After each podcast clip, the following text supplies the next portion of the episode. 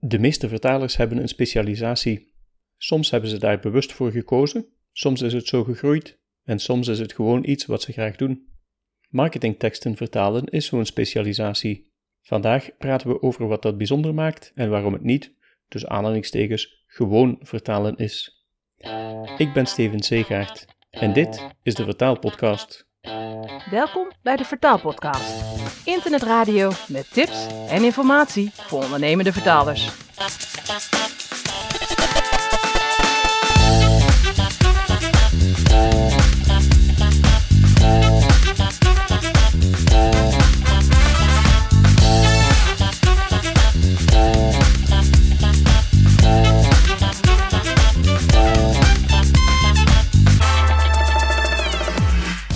Creatief vertalen, marketing vertalen, transcreation. Misschien heb je het zelf ook wel eens geprobeerd. En misschien ging dat ook best goed. Misschien doe je het wel vaker of alleen voor een goede klant. Maar er zijn ook mensen die daar echt een specialisatie van hebben gemaakt. Een van die mensen is vandaag mijn gast. Franco van der Werf, jij runt samen met je partner Lineke van Stralen het kantoor van der Werf en van Stralen. En jullie specialiseren jullie dus vooral in marketing en zoals dat heet, eh, creatief vertalen. Ja. Creatief vertalen, wat moet ik mij daarbij voorstellen? Creatief vertalen is eigenlijk een. Uh, aan de ene kant is het niet zo heel anders als normaal vertalen. Aan de andere kant ook weer wel. Want je zet creatief vertalen eigenlijk in. Als ik even puur vanuit zakelijk perspectief gezien, als het normale vertaalproces niet werkt. En dat kan dus voor allerlei opdrachten zijn, voor allerlei soorten teksten. Meestal Mhm. ligt het dan aan marketingachtige inhoud, hè, stijlgevoelige teksten. En het probleem is dan dat als je het op de normale manier vertaalt, dan kom je er gewoon niet. Dus stel je voor dat je een slogan gaat vertalen. Ik noem maar niet Nike Just Do It. Ja, dan maak je ervan, doe het gewoon. Nike, doe het Mhm. gewoon. Ja, dat, dat, dat, slaat dood. Dat klinkt niet zo goed en niet zo flitsend. En dan zegt de klant dus van, joh, weet je, normaal vertalen is leuk en aardig, maar we willen eigenlijk dat je hier meer van maakt. Dat je er echt een beetje mee aan de haal gaat. Mhm. En dat is de essentie van creatief vertalen. Dat de klant echt aangeeft van, hé, hey, wat je normaal doet is prima, maar niet voor deze tekst. En wat voor soort teksten zijn dat dan? Waar gaat het dan over? Kan van alles zijn. Eh, als ik even een kijkje in mijn eigen praktijk neem, dan ja, wat komt er langs? Eh, Google reclames bijvoorbeeld, hè, van die Mhm. cost per click eh, campagnes. Daar heb je heel beperkte ruimte, dus dan moet je altijd een beetje, een beetje sjoemelen en goochelen. En soms valt daar gewoon inhoud weg. Bioscoopreclames heb ik ook heel veel gedaan. Doe ik Oh ja. trouwens ook steeds heel veel. Dat is leuk, want dan zit je zelf in de bioscoop en dan zie je inderdaad opeens je, eigen, je eigen woorden langskomen. Compleet met een stemacteur erop en weet ik veel wat. TV-reclames heb ik ook wel gedaan. Mm, Wat je ook wel eens doet zijn brochures bijvoorbeeld. Ja. Iemand wil iets verkopen, weet ik veel, een luxe auto of, eh, of, of een luxe koffiezetapparaat of iets in die richting. Ja, dan moet daar een, een campagne, de tekst moet aan die campagne kunnen worden gehangen op een manier die past bij de campagne. Op die manier die past bij de visuele stijl bijvoorbeeld. En als iemand een brochure heel erg eh, luxe vormgeeft met hele luxe kleuren en, en, en jij maakt er een hele, nou niet per se platvloerse, maar nogal directe marketingcampagne van qua tekst. Mhm. Ja, dat klopt niet. Dan Ja. verpest je de campagne. Wat heb ik nog meer gedaan? Ook reclamemateriaal voor in winkels. Hè? Moet je denken aan, eh, aan, Ja. aan bijvoorbeeld eh, posters of, of, of, of menukaart heb ik ook wel gedaan voor, de, voor koffieketens en zo. Eh, radiospotjes. Heb je geen beeld, alleen maar geluid. Dat is ook weer een bepaalde uitdaging. Ook dingen voor videogames bijvoorbeeld. Ik werk voor, onder andere voor een klant die materiaal maakt voor makers van tekenfilms. En Oh ja. die, die maken ook spelletjes bij die tekenfilms. En in die spelletjes, ja, daar, staat, daar zit tekst. Die willen ze vertaald hebben. Maar als je dat ook, hier ook weer, als je dat op de normale manier vertaalt, dan kom je er niet. Want het is vaak heel humoristisch, heel over de top, Mhm. heel overdreven. En ja, dan zeggen ze dus ook van, van ja, vertaal dat, maar giet er humor in. Ook als die er soms ontbreekt of als bepaalde humor niet werkt, verplaats het dan Ja. maar. Ik heb laatst ook twintig sprookjes mogen trans, of ja, Transcreator creatief vertalen. En ook instructievideo's over gevoelige onderwerpen. Ik heb bijvoorbeeld, eh, het is wel, wel een grappig verhaal. Ik heb ooit meegewerkt aan een campagne voor tampons. En met video's daarbij om bij jonge meisjes de angst weg te nemen om, om Mhm. dingen te gebruiken als het ware. Dus dan moet je een heel gevoelig onderwerp aansnijden zonder al te expliciet te zijn qua beschrijvingen en weet ik veel wat. Hè, dat waren echt geruststellingsvideo's van hé, je hoeft er helemaal niet bang voor te zijn en wat dan ook. En eh, ik vond het sowieso wel komisch. Daar hadden ze een man voor benaderd, ik, ik dus. En, eh, en dat ging hartstikke goed, want ik heb het gewoon heel vrij vertaald. En eh, Ja. dat werkte als het ware, ja. En als je je eigen teksten dan op zo'n billboard ziet, mag je dat dan zeggen tegen je vrienden en je familie? Eh, ja, dat ligt een beetje aan de vertrouwelijkheid van de campagne. Als die echt op een gegeven moment overal te zien is. Mhm. Meestal kun je dan wel zeggen, ik heb daaraan meegewerkt bijvoorbeeld. Ik doe het alleen zelden. Gewoon puur uit beleefdheid voor de klant uh, hou ik echt mijn mond dicht als het ware. Ja. Ik, heb wel, ik heb wel aan een klant gevraagd soms van... hey, mag ik hierover praten? Ik vind het zo gaaf, ik vind het zo leuk. mag ik hier wat van zeggen? En soms zeggen ze nee, liever niet, want het is echt... nee, dat hebben we liever niet. En soms zeggen ze ja, joh, tuurlijk, ga je gang. Wees er maar trots op hoor, laat het aan iedereen zien. Dus het, het Ja, verschilt een beetje. Maar over het algemeen houd je houd je, je mond. Dus creatief vertalen is anders. Hoe ga je dan te werk? Ja, wat je doet bij creatief vertalen uh, is nooit inzetten op één optie. Hè? Dat is dus het, een groot nadeel van het normale vertaalproces. Iemand klopt bij jou aan met een slogan, je bekijkt de woorden, je bedenkt uh, leuk idee, je zet dat op papier, je levert het in en de klant zegt, ik vind helemaal niks. Nou, dan hang je. Bij creatief vertalen, dat noemen ze ook wel transcreation, hebben ze een, een ander proces.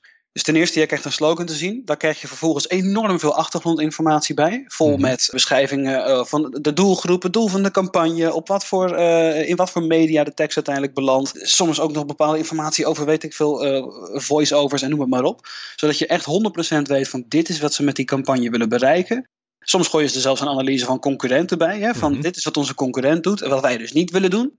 En dan ga jij aan de slag met meerdere opties. Meestal zijn het er drie. Drie Ja. opties ga je bieden. Dat doe je gewoon in een tabelletje. Dat is een heel saai. eh, saai- het papier is het heel saai, maar het is de, de creatieve uitdaging is heel leuk.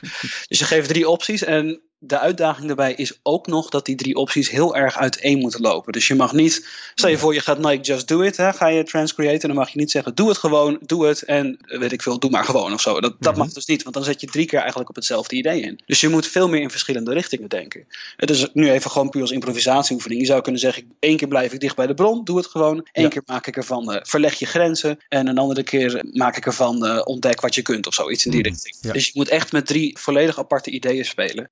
Als het een heel ingewikkeld project is, of, of bijvoorbeeld bij veel proefprojecten doen ze dat ook, om klanten binnen te halen, dan maken ze er zelfs vijf opties van. Om echt te laten zien van kijk eens wat er allemaal mogelijk is. Die opties vertaal je vervolgens letterlijk terug naar het, ja, meestal het Engels. Het kan natuurlijk ook een andere brontaal zijn, maar Mhm. meestal is het Engels. In die terugvertaling laat je zien wat je gedaan hebt aan mensen die de brontaal niet machtig zijn. Het kan zijn dat iemand bij de, bij de klant heel hoog eh, in, in, in de hiërarchie als het ware niet Nederlands spreekt of niet heel goed. Dan wil de klant alsnog kunnen begrijpen van oh ja, in de Nederlandse markt kunnen we dit of dat of zo of zus niet zeggen of werkt dat niet. En dat laat je dus zien in die terugvertaling. En die is echt behoorlijk letterlijk. Ehm, die, die, mag je niet te mooi maken, want je moet echt laten zien wat je in het Nederlands doet. En soms, soms gaat het niet helemaal goed. Hè. Sommige dingen zijn nou eenmaal niet terug te vertalen. Verkleinwoorden bijvoorbeeld zijn altijd lastig om dat gevoel te, te weergeven.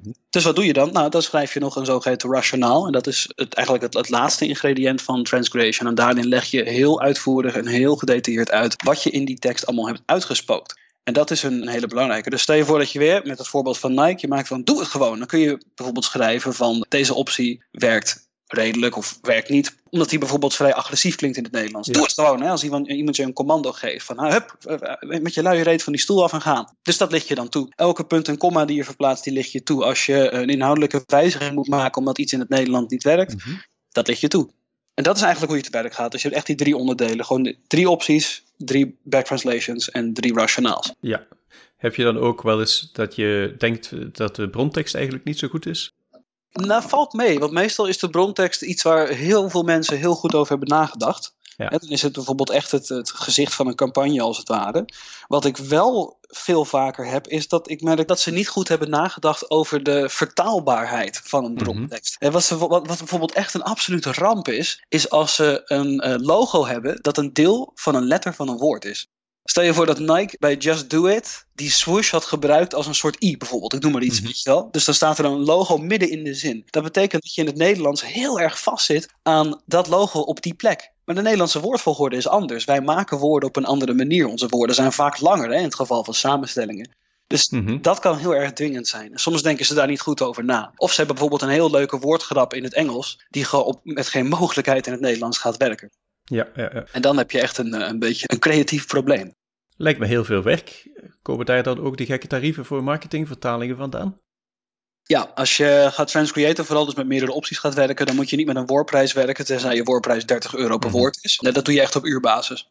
Meestal als in, in mijn geval zelfs, eh, ik vind de opties verzinnen vaak nog niet eens het moeilijkste. Ik vind het vooral het moeilijkste om echt helemaal duidelijk te maken waarom een optie zo goed is als die is, bijvoorbeeld. Ja. Of uitleggen waarom een andere optie die misschien heel erg voor de hand ligt, toch het niet blijkt te werken. Dus je bent veel aan het schrijven. In het Engels ook. Het gaat natuurlijk altijd wat langzamer dan in het Nederlands. Mhm. Je moet ook meer naar je woorden zoeken. Dus eh, vandaar dat je voor, voor transcreation inderdaad... eh, nou, soms vertaal je vier woorden. Dan krijg je 200 euro bijvoorbeeld. Ik noem maar iets. Dat, eh, en dan kun je zeggen, ja, dat is 50 euro per woord. Maar dat is dus niet helemaal waar. Want je bent langer bezig dan, dan normaal, ja. Mhm. Vind je dit iets dat iedereen zou kunnen? Eh, nee, nee, nee. Wat ik, eh, sterker nog, ik kijk wel eens proefvertalingen naar voor klanten. En ik, Mhm. eh, heel eerlijk, de meerderheid die moet ik afkeuren. Ja. En dat ligt er vooral aan dat. Er zijn meestal twee problemen. Eén van de twee, soms allebei. Eén is, de kandidaat is gewoon niet creatief genoeg. Dus die verzint opties die net niet helemaal zijn, of die nog wat korter, steviger hadden gekund, of wat dan ook. Ja, dan heb je een probleem natuurlijk. Mhm. Probleem twee is, de kandidaat is wel creatief genoeg, maar is niet in staat om bijvoorbeeld drie opties te verzinnen die allemaal echt even goed zijn. Ja. En dat is een beetje een soort sluipmoordenaar van, van, dit, van dit genre. Dat je denkt van, oh, ik heb een briljant idee. Gefeliciteerd, dat mag je nou nog eens twee keer doen. dat, eh, ja, dat, dat is het lastige. En dat moet je vervolgens ook nog een beetje onder tijdsdruk kunnen doen. Want ze hebben natuurlijk in de marketingwereld, eh, hebben ze eigenlijk wel altijd een beetje haast. Mhm. En dat is, dat is wat ik heel vaak merk, ja. En soms is het ook gewoon een gevoel voor stijl. Hè? Dat iemand voor een bepaald flitsend merk te stijfjes schrijft bijvoorbeeld. Mhm. Ja, ook dan moet je iemand toch afkeuren. Want je moet haarfijn aanvoelen welke stijl het beste aansluit op het imago van een bedrijf. Ja. Jij doet ook copywriting. Is, is dat niet min of meer hetzelfde? Mm, Nee, het heeft wel raakvlakken, maar het is niet hetzelfde. Bij copywriting schrijf je de boodschap helemaal zelf. Vanuit het niets. Bij creatief vertalen of transcreation, of hoe je het ook wil noemen, werk je altijd met andermans idee. Het idee is er al, alleen zoeken ze nog de verpakking. En bij copywriting moet je en het idee aanleveren en de verpakking, als het ware. Dan gaat het vast ook wel eens fout. Heb je daar voorbeelden van? Ja, ja, zeker. Wat je, ja, ik kan geen voorbeelden geven van, van hele eh, beroemde campagnes als het ware. Maar het zijn ook Mhm. hele kleine dingetjes soms. Hè. Eigenlijk elke keer als iemand zegt, vooral iemand die geen vertaler is, dit klinkt super duf in het Nederlands, dan is het eigenlijk niet goed creatief Mhm. vertaald. Ehm, je hebt zo'n zinnetje, dat lees ik steeds vaker. En dan schrijft een klant bijvoorbeeld, Our friendly customer service is happy to answer any questions you might have. Hè, dat van, eh, Mhm. en, dan, en dan kun je dan letterlijk gaan vertalen. Onze vriendelijke klantendienst beantwoordt graag vragen die je misschien hebt. Dat klinkt heel zweverig en, en vrijblijvend. Eh, en Nederlanders, ik weet niet hoe het in Vlaanderen is, maar in Nederland zeggen we onze vriendelijke klantendienst. Ik maak zelf wel uit of die klantendienst vriendelijk Ja. is. En wij zijn wat eigenwijzer. Wij laten ons niet zo heel graag opleggen dat een klantendienst vriendelijk is. Dat willen we zelf ervaren. Hoe je dat dan creatief zou kunnen vertalen is, heb je vragen? Stel ze gerust aan onze klantenservice. Ja. Die helpt je graag. Wat je dan doet, is je maakt van één zin maak je er drie. Je gooit er een vraag in. Dat doen Nederlanders heel graag. Je brengt ritme in die zin aan. En dat hele friendly, dat sneuvelt. Hè? Ja. En dat eh, any questions you might have, hè? Die, die Britse beleefdheid. Nee, dat hoeft niet. Dat hoeft niet. Nee, eh, heb je vragen, stel ze gerust. Mhm. Dat is, dat is bijvoorbeeld een heel klein, eenvoudig voorbeeld van hoe je bij creatief eh, vertalen te werk gaat. Ja. Je kijkt veel meer naar wat wil de klant eigenlijk uitdrukken. In dit geval is het niet letterlijk dat die klantenservice vriendelijk is. Nee, wat ze willen uitdrukken is eigenlijk heel eenvoudig. Gewoon hulpvaardigheid. Ja. En dan moet je gaan denken, oké, hulpvaardigheid, maar hoe drukken wij dat in het Nederlands uit? Niemand zegt, ik zou je misschien wel eventjes kunnen helpen, iets in die Mhm, richting. Je zegt eerder van, ja, ik help je wel even. Of geef een gil, weet je, dat soort dingen. Dus je moet, je moet heel erg gaan denken vanuit culturen ook. Dat is een heel leuk, leuke uitdaging, vind ik. Britten zijn altijd wat eh, beleefder, hè? wat eh, communiceren soms bijna op een omslachtige manier, dankzij die beleefdheid. Mhm. Amerikanen zijn veel energieker en, en enthousiaster. Als je gaat vertalen en iemand zegt, je loopt een winkel binnen en, en de winkelbediende zegt, eh, hey, I'm Jack, nice Ja. to meet you, how are you today? Ja, dat kun je wel getrouw vertalen. Hallo, ik ben Jack. Wat leuk om kennis met u te maken. Hoe gaat het met u vandaag? Maar er is niemand in Nederland. Dan loop je al de winkel uit. Ja. Ja, dan denk je, oh, oké, oké, deze man die gaat mij doodknuffelen. Dus dan ren je meteen de winkel uit met tranen in je ogen. Er is gewoon niemand die op die manier communiceert. Wat je eigenlijk dan als creatieve vertaling moet aanvoeren is: Goedemiddag. dat is Mhm. Eventueel kan ik u helpen. Maar zelfs dat vinden veel Nederlanders al eh, op de zenuwen werken. Dus je moet daar heel erg op letten. En het woordje great bijvoorbeeld vind ik ook altijd een hele, een hele leuke als je creatief gaat vertalen. Want Ja. Vooral bij Amerikaanse teksten, hè, dat kun je vertalen als geweldig of zo. Maar dan snap je eigenlijk niet hoe Amerikanen dat woord great gebruiken. Mhm, mhm. Als jij zegt, eh, hey, wanna get a cup of coffee? En iemand zegt, yeah, great. Ja, dan moet je natuurlijk niet vertalen als ja, geweldig. Ja, ja, ja. Dan maak je van lekker, bijvoorbeeld. Of doen we, of leuk, of wat dan ook. Ik heb ook nog wel een voorbeeld van een echte transcreation die wat mij betreft heel fout is gegaan. Mhm. Dat is voor een, eh, een koffieketen. Ik zeg liever niet welke, maar goed, maakt het niet zoveel uit. Hadden een campagne voor een product. Het is een koffieketen ook voor onderweg. Dus niet, eh, je gaat daar niet per se zitten voor je koffie. Het kan wel, maar de meeste mensen die, die halen Oh, ik heb wel een idee. Ja. en ehm ze hadden een campagne. product staat op een poster en daarboven staat work, play and everywhere in between. Mhm. En ik was destijds betrokken bij die campagne als de revisor en niet als de transcreator. En de opties, dat woord play was continu vrij letterlijk vertaald Ja, als ja, ja. spelen of spel. En dat vond ik zo debiel. Werken, spelen en alles daartussen. Mhm. was een, bijvoorbeeld een optie. Nou, is gewoon letterlijk vertaald natuurlijk. Maar werken, ja, nee, totaal niet. Werken, oké. Spelen, hè, dat is iets wat, wat kinderen doen. Dat is, dat, zo kun je een volwassen doelgroep er niet aanspreken. En alles daartussen, ja, wat zit er dan tussen, wat, wat zit er tussen werken en spelen? Hè? Dus, dus het wordt ontzettend vaag. Het Engelse woord play in dit geval is veel meer bedoeld in de richting van ontspanning. Ja, ja, ja. Dus wat ik er toen van heb gemaakt uiteindelijk is werktijd, vrije tijd, altijd. Mhm. Ja, want dat heeft die herhaling van tijd. Dat is grappig, dat valt op. En dan denk je, oh verrek, zo had ik er nog nooit over nagedacht. Mhm. Het is korter dan de bron. Dat is ook nog trouwens een hele prestatie. Hè? Heel vaak wordt Engels-Nederlands wat langer. En het concept is perfect uitgedrukt. Want ze willen duidelijk maken, in dit geval niet dat je kunt werken en dat je kunt spelen. Nee, wat ze willen uitdragen is veelzijdigheid. Mhm. Of je nou aan het werk bent, of je nou onderweg bent naar, naar, naar God mag weten waar. Of eh, misschien heb je een vrije dag, wat dan ook. Neem ons product. Want dat past perfect bij je dag. Kijk, of dat waar is, is natuurlijk een tweede. Maar goed, dat is wat ze willen uitdrukken. Ja, dat, dat is wat ik ervan heb gemaakt. Dat is het ook geworden. En ik kon later ook zien in een, eh, in een spreadsheet dat zelfs de Denen, die hadden het ook overgenomen. Die hadden Ja. iets van werk, werk, werktijd, vrije tijd, altijd of iets in die richting. En dat is heel leuk. En dat, dat soort dingen, daar zijn ze dus echt naar op zoek. Dat je echt gaat denken vanuit dat Nederlands perspectief. Wat willen wij zien? Wat vinden wij leuk in Nederland? Hoe communiceren wij? En er zijn gewoon zulke gigantische verschillen tussen talen, dat dat, eh, dat, dat een hele leuke uitdaging is. Over die verschillen gesproken, je merkt dat ze in Vlaanderen bij campagnes nogal vaak spelen met eh, tussentaal, dialecten en, en taalregisters. Doe jij dat ook? Nee, nee, sterker nog, dialecten zijn heel erg eh, gevaarlijk om in Nederland te gebruiken. Omdat het al heel gauw heel boers klinkt. Mhm. Ik weet niet of dat in Vlaanderen misschien dat een dialect verfijnder klinkt. Ik heb, daar heb ik geen kennis van. Maar in, het Nederlands, als ik echt in plat Nederlands een campagne ergens ga, ga beschrijven, als het ware, dat is eh, de manier om de klant erg boos te maken. Ja. dat eh, is natuurlijk anders als je voor een heel regionaal merk schrijft. hè. Ik heb wel eens gezien bijvoorbeeld bij de Douwe Egberts in Maastricht. Die hebben net buiten het station in het Maastrichts een, een poster staan. Mhm. Ja, dat werkt natuurlijk. Dat, maar dat moet je absoluut niet in, in Utrecht gaan doen, bijvoorbeeld. En geen Maastrichts in Ja. Utrecht. Je zou misschien kunnen zeggen, ik doe Utrecht in Utrecht. Maar aan de andere kant, het is zo'n internationale doelgroep Mhm. daar dat je dan misschien weer heel veel klanten mist. Nee, ik heb het één keer gezien bij een campagne dat iemand een optie had gebruikt. Ik weet niet meer wat het was helaas. Maar ik las hem en ik dacht, wat staat hier joh? En ik kijk in de, in de rationaal en daar staat, ja, dit is een redelijk bekend dialectwoord. En dan denk ik als eerste meteen, ja, maar ik ken het Mhm. al niet. En voor deze klant was ik de doelgroep. Hè. Ik ben redelijk jong en dat is natuurlijk ook een voordeel dat ik nog heb als het voor een jong merk is. En toen heb ik inderdaad echt moeten schrappen. Moeten zeggen, ja sorry, moet je Mhm. niet doen. Dus, eh, nee, dialecten, in het, voor zover ik weet, doe je dat eh, niet. Wat je wel kan doen is, ehm, wat goed werkt, dat zie je ook bij veel andere bedrijven die bijvoorbeeld alleen in Nederland actief zijn, is zijn die samentrekkingen, mm en het en zo in plaats van en het. Dat maakt het wat benaderbaarder, wat, wat meer alsof je spreekt met een mens in plaats van met een machine. Dus dat mag bijvoorbeeld wel. Je mag het wel heel informeel maken, maar het moet dan wel een soort nationaal goedgekeurd informeel zijn. Dus het mag niet eh, te gekleurd zijn. Ik, ik heb nog wel een voorbeeld trouwens, even denken. Ook weer voor die koffieketen, een Valentijnsdagcampagne.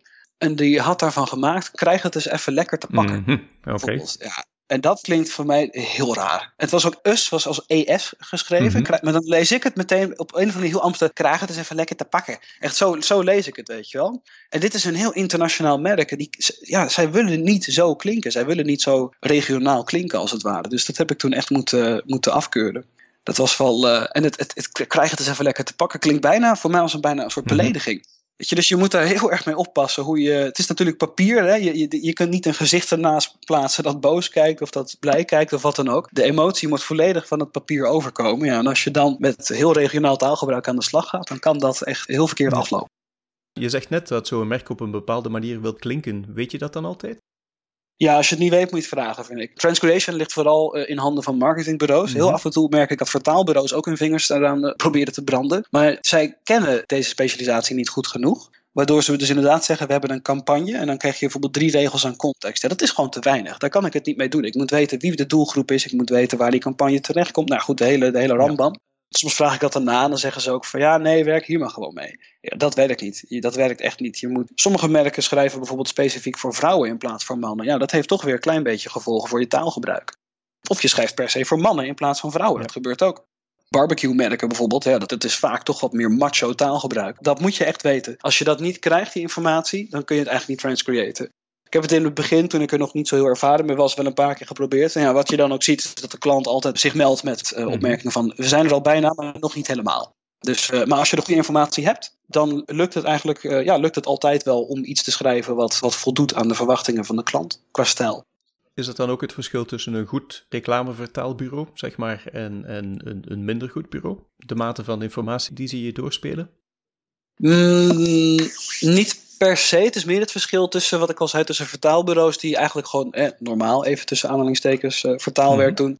En de echte marketingbureaus. De marketingbureaus die weten waar ze mee bezig zijn. Die gooien soms bijna te veel informatie op je af. En dan krijg je zo'n brandbook van 71 pagina's. Waarvan er 60 niet eens zo heel relevant zijn. Want die gaan over specifieke uh, dingen voor, voor bijvoorbeeld stemacteurs. Mhm. Of voor de, voor de creatief ontwerpers en dat soort dingen. Het zijn vooral de vertaalbureaus die denken: hey, transcreation is een beetje een modewoord, dat gaan we ook proberen. Nou, dan hebben ze een keer zo'n opdracht. Ja, die, die weten niet goed waar ze dan, welke informatie ze moeten meegeven. Ja, dat merk ik wel. Maar in principe, als je echt bij een gespecialiseerd marketingvertaalbureau terechtkomt, maar het komt zelden voor dat de informatie die je nodig hebt dan ontbreekt. Ja, ja. Branko, je hebt ook wel eens studenten vertalen begeleid om hen op weg te helpen en dan vooral om hen te helpen bepalen of creatief vertalen iets voor hen is. Hoe ging dat dan in zijn werk? Dat is heel leuk om te doen. Ik heb dat inderdaad meerdere keren gedaan. Ik heb, ik heb sowieso normale vertaallessen gegeven, een jaar lang in de vertaalacademie. Mm. En ik heb daarnaast dus ook inderdaad uh, een paar keer gespecialiseerde workshop gegeven, echt over transcreation. Dat is heel leuk, want dan zitten er daar 80 nieuwsgierige studenten in een, in een zaal. En dan zeg je van, nou, we gaan vandaag uh, transcreaten. Nou, leg ik ze uit hoe het werkt, hè, met die opties en met die backtranslations en rationaals. Nou, ben je 10 minuten mee bezig. En um, dan zeg je, dit is de campagne. Ik geef ze de commerciële context die ze nodig hebben. Wie is de doelgroep? Wat willen ze met de campagne bereiken? Dat is wel minder uitgebreid dan in het echt. Maar goed, we hebben natuurlijk in een les niet, niet de tijd om een brandbook van 71 pagina's mm door te bladeren. En dan zeg ik, deadline is over een uur. Succes! Nou, dan gaan ze aan de gang. Mhm. En uh, de een zie je meteen uh, heel enthousiast, uh, die, die heeft al 15 opties bedacht, weet je wel, in, in vijf minuten. Bij de ander slaat puur de paniek toe. De een klapt helemaal dicht. De ander gaat uit het raam staren voor inspiratie. En verdacht veel gaan eerst een kop koffie halen. ja, dat is, dat is heel leuk om te zien. En ik denk dat dat ook gewoon de manier is om het uit te proberen. Want je moet, vooral dat met die deadline van een uur, hè, dat is heel flauw. Dus zo snel gaat het in het echt vaak niet. Meestal is het eerder bijvoorbeeld vijf uur of een dag. Mhm. Maar de truc bij Transcreation is dat je die creativiteit kunt leveren onder tijdsdruk. En in het echt heb je natuurlijk heel vaak meerdere opdrachten door elkaar lopen. Althans, ik wel. Dan heb ik bijvoorbeeld een normale vertaling en een transcreation en een, en een revisieopdracht staan. En dan moet ik toch uh, dat allemaal een beetje in de lucht zien te houden. En um, dat is hoe ik ze dat laat doen. Ja echt onder die tijdsdruk. Ga maar eens, ga maar eens kijken hoeveel goede opties je kunt verzinnen. Mm Lukt je dat goed, dat omschakelen tussen een gewone vertaling, zeg maar, en uh, waar je dichter bij de context blijft en, en een meer creatieve vertaling? Ja, ja, ik hou heel erg rekening echt met wat de klant wil. Wat ik wel doe van mezelf, al sinds, sinds de eerste dag dat ik, uh, dat ik vertalen ging studeren, ik vertaal vrij. Mm Bij de vertaalacademie, ik zat in jaar 1, ik kwam daar net binnenlopen, was al heel erg onder de indruk van het vak en van de docenten en van de boeken en, het, en nou, noem het maar op. En um, je krijgt de eerste keer je werk terug en tegen iedereen zeggen ze altijd, jullie vertalen te letterlijk, je zit er dicht op de bron. Ik was een van de weinigen, misschien wel de enige bij wie ze zeiden, je hebt er een mooie tekst van gemaakt, maar het is niet meer wat er staat. Ja. En dat is een soort uh, aangeboren afwijking van mij. ik vertaal van mezelf heel erg vrij. Voor mij is het spelletje dat ook altijd geweest van ja, het kan wel letterlijk. Maar er moet toch ook een andere manier zijn om het te zeggen die eigenlijk nog wel mooier is. En um, dus wat dat betreft ben ik altijd wel creatief aan het vertalen. Alleen voor de ene klant natuurlijk in, in mindere mate dan voor de andere. Mhm. En dat schakelen gaat wel heel erg goed. Ja, soms ben ik aan het vertalen, heb ik een tekst af en denk ik, nou, nu ga ik even, even transcreaten. Ga ik zitten, absorbeer ik de, de opdracht eventjes en dan, uh, dan ga ik er meestal even een nou, tien minuten, een kwartiertje even over, over de filosoferen, bij wijze van spreken. Kom ik ergens op? Is dat wel zo? Soms dender ik in één keer door de hele campagne heen. Dan, dan komt de inspiratie. Komt de inspiratie niet, dan ga ik iets anders doen. Ik denk het laatste wat je moet gaan doen als je drie prachtige opties moet verzinnen voor een bijna onvertaalbare slogan, is, mhm. is naar de blinkende cursor van, uh, van Word gaan staren. Dat is de, de manier om je inspiratie helemaal kapot te maken. Soms ga ik even wandelen. Ga ik door het bos lopen. Dat, dat is heel goed voor je, voor je creativiteit en je inspiratie. Soms, uh, weet ik veel, ga ik de vaatwasser inruimen, de schuur opruimen. Soms ga ik even sporten. Soms duik ik dan in een tekst die bijvoorbeeld wat droger is, zodat, zodat ik echt een beetje psychologisch de behoefte mhm, krijg om mhm. creatief te zijn. En kan ik daarna met frisse energie weer aan de slag. En tot nu toe heb ik het geluk gehad dat dat altijd heeft gewerkt. Ik heb nog nooit meegemaakt dat ik tegen de deadline met, met nul ideeën zat, als het ware. Stel dat iemand nu ineens heel veel zin krijgt om ook reclame te gaan vertalen. Hoe kan die dat dan het beste aanpakken? Het eerste wat je daarbij moet weten is dat je een heel belangrijke denkfout moet vermijden. Ik, zoals ik al zei, kijk ik wel eens proefvertalingen na bijvoorbeeld. Mhm. En dus dan zie ik letterlijk werk van mensen die de ambitie hebben om dit werk te gaan doen. En wat er te vaak gebeurt, denk ik, is dat iemand de bron leest bij marketing en bij mhm. slogans. En denkt, die begrijp ik, dus ik kan het vertalen. Ja. En dat is natuurlijk bij normaal vertalen veel minder een probleem. Als jij de bron begrijpt, mhm. ben je al heel dichtbij de situatie waarin je het ook kunt vertalen. Dat is natuurlijk niet altijd zo. Hè? Kijk, als ik algemene voorwaarden lees, ik begrijp wat er staat. Maar als ik het zelf moet gaan typen, dan wordt het opeens een verhaal over Jip en Janneke. Met mijn creatieve drang. Maar dat is, dat is de grote denkfout. Je begrijpt wat er staat, oké, dat is leuk. Maar de- wat je moet kunnen is zoiets zelf ook schrijven. Ja. Dat is de eerste vraag die je, je moet stellen. Kun je zelf zoiets iets, iets schrijven wat even vlot is, even pakkend? Als dat antwoord daarop nee is, dan wordt creatief vertalen en transcreation eh heel moeilijk. Mhm. Als je zegt van nou ja, ik denk als ik daarvoor ga zitten, dat ik daar best wel eh, wat mee kan bereiken, ja, dan kun je het gewoon een keer proberen. Wat ik dan zou, als je zegt van nou, ben benieuwd of ik het kan, zou ik zeggen, pak een willekeurige slogan erbij van een merk. Ik zou Just Do It niet doen, want Just Do It is, is gewoon heel moeilijk. Misschien is dat Mhm. wel niet eens te vertalen. Maar van een, van een bedrijf dat je leuk vindt, van een, een merk dat je, dat je graag gebruikt bijvoorbeeld. Zoek eens op wat daar een slogan van is, of een leus of wat dan ook. En kijk eens op hoeveel manieren je die kunt vertalen. Hè, kom je op zes briljante ideeën, nou dat is heel erg leuk. Want dan kun je misschien eens gaan proberen om een transcreation bureau aan te schrijven. Of een marketingbureau aan te schrijven. En aan te geven van hé, hey, ik heb hier heel erg interesse in, ik zou het graag willen proberen. Mhm. Dan krijg je, dat durf ik je te beloven, in 100% van de gevallen moet je een proefvertaling doen. Mhm. Daar valt niet omheen te komen. Heel veel vertalers geven wel eens af, hè, proefvertalingen. Van ja, maar ik heb toch zoveel jaar ervaring. Ja, bij Transcreation kom je er gewoon niet in. Je kunt Mhm. 30 jaar ervaring hebben en verschrikkelijk zijn in creatief vertalen. Heb ik ook meegemaakt. Hè, dat ik een kandidaat nakijk en dan zegt de projectmanager van ja, deze persoon is echt heel erg ervaren. En ik kijk het na en ik merk nou, bij de eerste optie al, ja, sorry, je bent heel ervaren. Je bent heel goed in, in je vak. Maar dit is iets nieuws, dit is iets anders en het gaat hem niet worden, sorry. Dus een proefvertaling, daar ontkom je gewoon niet aan. Want ze Mhm. willen weten wat voor vlees ze in de kuip hebben. En in, de- in dit wereldje is het echt zo van bewijs maar wat je kan, laat het me maar zien. Ik heb nu vijf jaar ervaring met Transcreation. Ik doe het echt wekelijks. Ik heb het al, al duizenden uren gedaan. En nog steeds moet ik bij nieuwe klanten die proefvertaling doen. Ja. Ik moet zelfs soms voor bestaande klanten een proefvertaling doen als zij een nieuwe eindklant binnenhalen. Hè, puur om te laten zien dat ik de schrijfstijl van die ene klant kan, eh, kan evenaren. Nou ja, goed, dus daar ontkom je gewoon niet aan. Maar als je zegt van nou, ik ben benieuwd, ik denk dat ik het wel kan, ik merk dat ik op die ideeën kom, ik, ik ben ook niet eh, te beroerd om een proefvertaling te maken, ja, dan zou ik zeggen, nou, maak die proefvertaling. Mhm. Doe het maar. Die proefvertalingen zijn meestal met minder tijdsdruk hoor. Meestal geven ze wel een week de tijd. Soms ook niet. Maar ja, je hebt niet zoveel te eisen wat dat betreft. Je moet maar gewoon eh, met, de- met de klant meedoen. Lever hem in en eh, wacht het oordeel af. En als het oordeel is van, ja, dit is voldoende, je kunt gaan beginnen. Nou, dan kun je inderdaad aan, met campagnes aan de slag. En als het oordeel is van, ja, sorry, het is het niet. Dan moet je of nog wat meer gaan oefenen. Of eh, je misschien nog wat meer erin verdiepen. Of tot de conclusie komen dat het toch niet iets voor je is. Hè? Dat maakt ook niet uit, dat kan. Mhm. Maar ik denk dat dat een, een goed stappenplan is. Probeer het eerst vrijblijvend, zonder enige eh, commerciële druk en, en tijdsdruk. Als je merkt dat dat werkt, zoek klanten op. Dat zijn meestal geen vertaalbureaus, dat zijn meestal echt marketingbureaus en, eh, en, en creative agencies en dat soort partijen. Doe de proefvertaling Mhm. en, ehm, en, en kijk hoe het gaat. Als je er eenmaal doorheen bent en, en je staat in het systeem en je wordt benaderd, moet je ook nog steeds kijken of die campagne jou wel ligt, bijvoorbeeld. Ik heb de laatste tijd af en toe wel eh, aanvragen gekregen voor creatieve vertalingen in de financiële hoek. Ik ken die hoek niet goed genoeg om daar echt creatieve vertalingen voor te kunnen doen. Ik ken die doelgroep niet goed genoeg, dus die opdrachten wijs ik, wij- eh, ja, die wijs ik af. Ook als ik tijd heb, wijs ik ze alsnog af. Ik zit veel meer in de consumentenhoek eh, wat dat betreft. Mhm. Als je gaat vertalen voor marketingbureaus, verwachten ze dan ook dat je zelf je marketing goed op orde hebt? Of is dat niet zo belangrijk? Nee, Je, je zou verwachten van wel. Maar ik heb het idee dat marketingbureaus er een beetje begrip voor hebben dat veel vertalers toch wat verlegen zijn en marketing maar een beetje eng vinden en een beetje raar en, eh, en eh, borstklopperij en zo. Ik heb bijvoorbeeld wel eens eh, per ongeluk een PM gehad die dan eh, naar 900 verschillende mensen een e-mail stuurt en die mensen allemaal gewoon in de adreslijst zet. Weet je. Ja. Dan kun je dus zien wie dat zijn. Dat zijn altijd, zijn, altijd leuke incidenten. Als, als freelance vertaler dan kun je echt eens gaan kijken van nou, hoe groot Mhm. is jullie bestand? Met wat voor mensen werken jullie? Nou, ik geloof dat de, helft heeft een Gmail-adres bijvoorbeeld. Niks mis met een Gmail-adres, maar goed, als je een mail krijgt van eh, google.gmail.com, ja, weet je, dan Mhm, kijk je toch een mhm. beetje raar op. Apple.gmail.com is helemaal vreemd. Ik denk dat het helpt als jij je marketing heel goed op orde hebt. Als jij namelijk schrijft, ik ben Mhm. marketingvertaler, dan geef je eigenlijk aan, ik heb gevoel voor marketing, ik snap die branche. Als jij vervolgens volledig onvindbaar bent, een anonieme website hebt en vanaf een Hotmail of Gmail-adres mailt, dan laat je niet zien dat wat jij weet dat je dat in de praktijk uitvoert. Dus dat is wel gek. Dat is een beetje als, de, als het cliché van de dikke diëtist bijvoorbeeld. Of de arts met trillende handjes, bij wijze van spreken. De, of de chirurg met eh, trillende handjes. Dat, dat, dat klopt niet. Het- het- ik denk dat het voor de beeldvorming heel goed is als je inderdaad gewoon een mooie website hebt. Met misschien zelfs een slogan bijvoorbeeld. Hè, dat is helemaal gaaf. Die ook staat als een huis. Eh, dat je gewoon je eigen domeinnaam hebt als Mhm. e-mailadres. Dat je bijvoorbeeld naar je LinkedIn verwijst. En dat ze zien dat je daar ook actief bent. En regelmatig, weet ik veel, artikelen schrijft of wat dan ook. Ja, ik denk dat dat zeker wel helpt, ja. Dan kom je echt makkelijker binnen. Dus er komt heel veel bij kijken bij creatief vertalen. Ehm, hoe weet je dan wat een beetje lekker tarief is?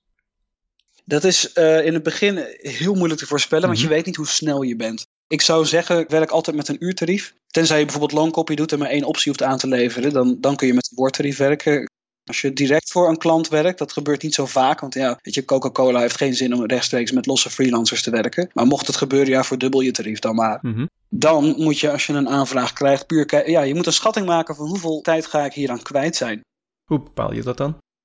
in deze fase van mijn, van mijn carrière is dat gewoon puur ervaring. En ik moet zeggen, ik ben daar best wel goed in geworden. Als ik zeg, ik heb hier anderhalf uur voor nodig, ik heb hier drieënhalf uur voor nodig, ik heb hier twaalf uur voor nodig. Het komt niet vaak voor dat ik dan of heel veel sneller klaar ben of heel veel later. Door scha en schande wijs geworden of valt er wel mee? Nee, ja wel. Ja, ja. ja zeker. Ja, het is wel eens gebeurd dat ik inderdaad zei van dit, hier heb ik drie uur voor nodig. En dan uh, blijkt dat het, het dubbele bijvoorbeeld er is. Ja, en dat, dat ligt een beetje aan ook hoe het gaat. Als ik merk van mijn inspiratie komt niet, het, het wil niet, het, het flopt niet, dan mhm. zie ik dat meer als mijn probleem. Het is mijn schuld. Dan ga ik niet de klant uh, extra laten betalen voor het feit dat ik creatief helemaal opgedroogd ben. Aan de andere kant, stel je voor dat ik met die campagne ga beginnen. En ik merk echt van, oh verrek, ik heb iets helemaal over het hoofd gezien bij het offereren. Van, oh, er zit een twist in die, wauw, dat had ik niet, niet, nog niet gezien. Mhm. Dan neem ik wel eens contact op en dan zeg ik van, jeetje, ja, sorry mijn fout, maar ik zie nu pas wat er zo ingewikkeld in is. Denk je dat we het budget nog iets kunnen oprekken? En meestal krijg ik mijn zin dan ook wel. Mhm. Dat is wel bij klanten die me al kennen trouwens. Denk als je dat meteen de eerste keer doet, dan maak je geen vrienden. ik heb vier uur nodig en dan een uur later, nou trouwens uh, toch zeven. Nee, dat, dat moet je niet doen. Qua woordprijs zou ik zeggen, je hebt natuurlijk gewoon het standaard vertaaltarief. Daarvoor moet je het niet gaan doen. Ook al denk je van ja, maar dan kan ik de stops in principe prima. ik, mhm. ik, zou het gewoon niet doen, want je gaat langer met die tekst bezig zijn. Idealiter werk je zelfs niet in een cat tool. Wat natuurlijk een beetje heiligschennis is voor veel klanten. Maar mhm. als jij bijvoorbeeld, hè, ik, ik, gaf eerder in deze podcast een voorbeeld waarbij je één zin over die klantenservice was dat. Hè, één zin deel je op in drie zinnen bijvoorbeeld. Dat gaat in een cat tool minder makkelijk. In een cat tool wordt alles gesegmenteerd. Dus je hebt links natuurlijk een segment en dat één zin, het wordt in de vertaling mhm. ook één zin. Maar dat hoeft bij creatief vertalen helemaal niet zo te zijn. Soms laat je een zin weg, soms voeg je een zin toe. Dus ik zou zeggen, als het kan, zelfs probeer het gewoon in Word te doen. Als het echt niet anders kan, ja goed, oké, je kan in een cat tool wel een beetje eromheen werken. Mm maar ehm, ja, ik denk, ik denk dat je daar toch wel een flinke toeslag voor mag re rekenen. Zelf reken ik ongeveer 40% extra voor creatieve teksten. Ja. 30 tot 40% minstens. En, als het, en soms ook als ik zie dat een campagne echt heel ingewikkeld is, dan vraag ik ook wel eens van ja, ik wil dit heel graag doen. Ik kan je nu al vertellen, dit is een hondsmoeilijke campagne. Mhm. Kunnen we bijvoorbeeld, weet ik veel, 15%, 20% erbovenop gooien. Soms kan dat wel, soms kan dat. Ja, het is maatwerk dus. Het is inderdaad, ja, het is maatwerk. Je moet echt... Ehm, dat is ook denk ik de aantrekkingskracht voor klanten. Het normale vertaalproces voelt voor hun mhm. denk ik een beetje anoniem. Dat ligt ook een beetje aan de markt natuurlijk. Hè. Bij een normaal vertaalproces. Veel klanten kloppen dan aan bij een vertaalbureau. Die geven die teksten aan af. Het vertaalbureau zegt niet wie mhm. de tekst uiteindelijk doet. Dat hoeft ook helemaal niet. Dat is gewoon hoe onze markt werkt. Dan krijgen ze die tekst terug. En vooral als het marketing is, dan zijn ze best wel, ja, vaak wil ik niet zeggen, maar dan komt het zeker voor dat ze teleurgesteld zijn. Die zeggen van ja, maar dit is niet wat we ervan hadden verwacht. En bij Friends Creation is het veel, ja, inderdaad individueler, veel meer maatwerk. En heel vaak is het ook zo dat, ze, dat die marketingbureaus echt weten van, nou, Branco doet veel consumentgerichte dingen bijvoorbeeld voor financieel of juridisch of uh, boekhoudingslogans bijvoorbeeld, heb ik ook wel eens langs zien komen. Mhm. Daar moeten we hem niet voor hebben. En die zijn daar, wat dat betreft, denk ik dat ze wat meer zicht hebben op wie je wel moet hebben en wie niet, inderdaad. Um, en dat merk je ook gewoon, want ik, ik merk dat veel klanten gewoon heel blij zijn met dat mhm. transcreation proces. Ze komen minder vaak terug met wijzigingen of opmerkingen of, of kritiek. En het, nou, het komt maar zelden voor. Ik denk dat het in vijf jaar tijd is het één keer gebeurd dat iemand echt ontevreden was en echt zei: mhm. Dit is niet wat ik ervan had verwacht. Toen was ik heel erg geschrokken. Dan denk ik, oh jee, is dit dan de eerste uitgeleider, weet je wel, die ik nu ga maken. Maar toen bleek dat die klant de verkeerde informatie had opgestuurd. dus die had het gewoon zijn eigen schuld. Maar voor de rest is het een proces dat, dat inderdaad echt op de klant is toegespitst. En daardoor heel vaak ook tot de mhm. goede tevredenheid leidt. Dankjewel voor dit kijkje in de interne creatieve keuken, Branko. Ja, graag gedaan. Als je de luisteraars nog één belangrijk punt zou kunnen meegeven, wat zou dat dan zijn? Probeer het gewoon eens. Dat is het, denk ik. Vertalers zijn natuurlijk mensen van de details, weet je wel. En de brontekst is heilig mhm. en dat soort dingen. En dat is ook helemaal zo. Ik denk dat misschien wel heel veel mensen ervoor terugdeinzen. Zo van, ja, maar het is zo creatief en je moet dingen helemaal verzinnen. En je moet echt half gaan schrijven af en toe. Ik denk dat meer vertalers dat kunnen dan ze denken. Ik zie dat ook bij een eigen netwerk. En zie ik ook vertalers die, die zeggen: ook oh, vind het wel heel moeilijk hoor. En vervolgens mhm. komen ze echt met prachtige ideeën aanzetten. Dus ik denk, onderschat jezelf niet. Ga, ga er dus naar op zoek. Ga eens kijken wat je ervan vindt. En ehm, met een onbevangen blik, maar ook in de wetenschap, dat het, dat het totaal niet iets voor jou kan zijn. Maar kijk er mhm. wel eens naar. Want ik denk dat er een hele goede toekomst ook in zit. Juist omdat het zoveel maatwerk is. Je gaat het toch nooit automatiseren. Er is vaak meer budget voor dan voor normaal vertalen, als het ware. Dus het komt ook veel minder vaak voor dat je echt eh, belachelijke prijzen aangeboden krijgt. En ik denk dat meer vertalers het in een mars hebben dan, uh, dan ze zouden denken. Dankjewel, Branco. Ik bied zelf ook creatief vertalen aan en dat lukt me best goed. Als jij het zelf ook wilt proberen, maar niet goed weet wat het allemaal inhoudt, breng dan even een bezoekje aan www.confer.eu creatief vertalen. En dat laatste schrijf je in één woord. Daar hebben we een voorbeeld klaargezet van een creatieve vertaling, waar je ook meteen een idee krijgt van het proces en van hoe het op de achtergrond werkt. Nog een keertje www.confer.eu creatief vertalen. En als je daar toch bent, dan kun je je ook meteen inschrijven voor de nieuwsbrief. Dan hou ik je op de hoogte van nieuwe uitzendingen en van andere interessante nieuwtjes. En laat me ook vooral weten wat je van deze podcast vindt en welke onderwerpen je graag behandeld wilt zien. Over twee weken ben ik er weer. Tot dan!